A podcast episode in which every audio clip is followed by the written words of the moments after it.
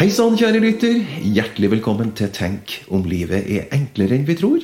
En podkast der vi ser nærmere på hvordan vi mennesker fungerer rent mentalt. Navnet mitt er Lars Johansen, og dagens rubrikk det er fra topp til bunn på et kvart sekund. Media skriver side opp og side ned om en idrettsstjerne som har blitt tatt med buksa ned. En idrettsstjerne som har kjørt bil i 200 km i timen, utsatt seg sjøl og andre medtrafikanter for livsfare. Som i tillegg har blitt avslørt som kokainmisbruker. En idrettsstjerne som har avslutta en fantastisk karriere, som nå trøbler med å håndtere et normalt liv. Det er ingenting nytt.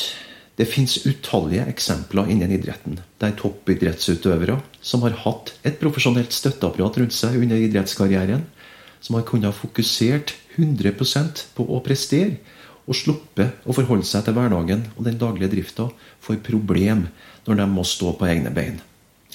Uten å nevne navn kan jeg peke mot ikoniske fotballspillere i inn- og utland som har blitt både alkoholikere og narkotikamisbrukere. Innen hoppsporten har vi sett det samme, også innen bryting. Egentlig i alle idretter så vil vi finne sånne eksempel. Og forklaringen den er logisk. Den er psykologisk. For det handler om at de færreste vet hvordan opplevelser skapes i livet.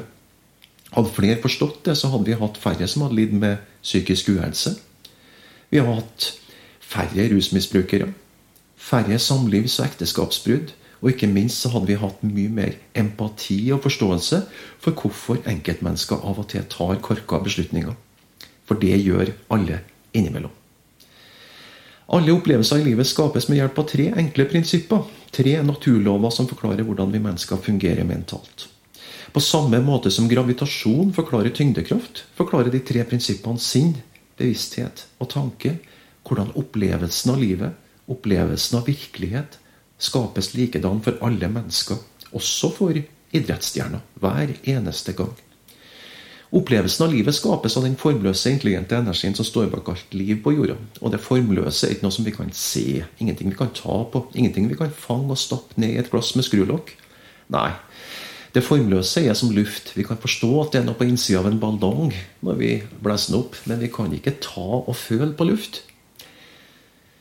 En tanke er først bare et potensial for å bli en tanke i sinnet vårt. Så tar den form på skjermen i bevisstheten og sendes til hørselen, synet, lukten, smaken og følelsen, sånn at vi kan høre, se, lukte, smake og kjenne det vi tenker, ekstra godt.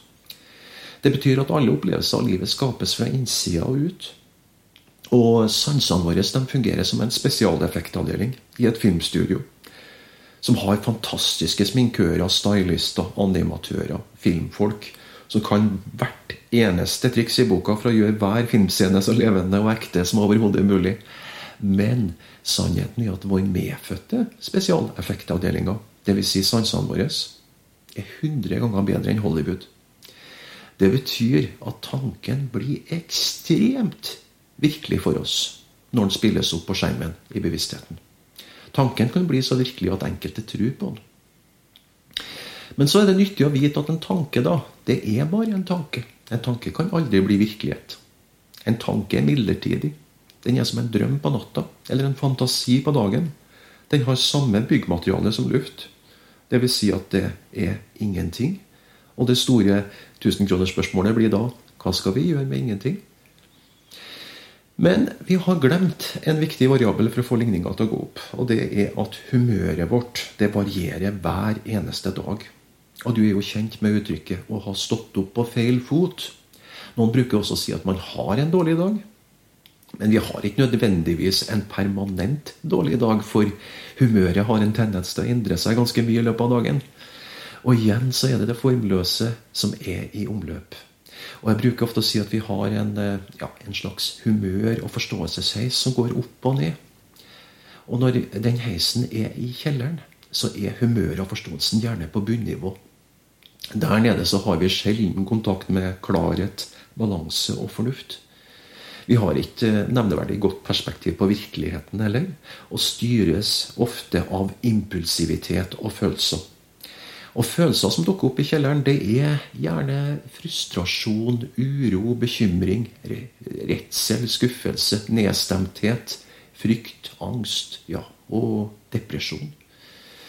Og det er ikke her nede vi tar beslutninga om vi skal si opp jobben eller avslutte forholdet til våre kjære. Nei, det er ikke det. Det er heller ikke når man har lav bevissthetstilstand man setter seg i en bil og kjører. Men hva skal jeg gjøre, da? Det er ofte et spørsmål som jeg får når jeg coacher folk. Og det enkle svaret er ingenting. Det er ingen vits i å trykke febrilsk på den opp-knappen på, på, heisen om den er opptatt. Heisen kommer ikke noe raskere for om du trykker som en idiot på den knappen. Om det plaskregner ut, så blir det heller ikke finvær noe raskere om du står på trappa og roper forbannelser opp til skyene. Det eneste vi kan gjøre, det er å vente. På jobben for eksempel, så kan du være i topphumør det ene øyeblikket. Og så popper den en mail som snur humøret ditt 180 grader. Og da går du fra å være i topphumør til å bli potte sur. Du har kanskje tapt et viktig prosjekt. Du har fått en regning som ble dyrere enn antatt. Eller en kunde er misfornøyd med det du har levert. Og det interessante er at skiftet i humør kan skje på et kvart sekund. Det går lydraskt. Men også andre veien så kan det gå fra å være pottesur til å bli topp, i topphumør på et kvart sekund. Om du ønsker å tilbringe mer tid i topphumør og mindre tid i dårlig humør, så har du en unik mulighet til å delta på et kommende coachkurs som starter på Røros den 5. oktober.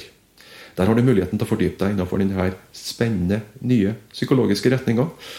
Det er en unik mulighet eh, til å oppnå forandring i livet, profesjonelt og privat. Da må du gjerne sende meg en mail om du er interessert i det her. Til lars at Lars Johansen på enkleste måte i et ord. .no. Så vil du etter hvert, eh, etter kort tid, mener jeg, eh, motta mer informasjon om det her kurset.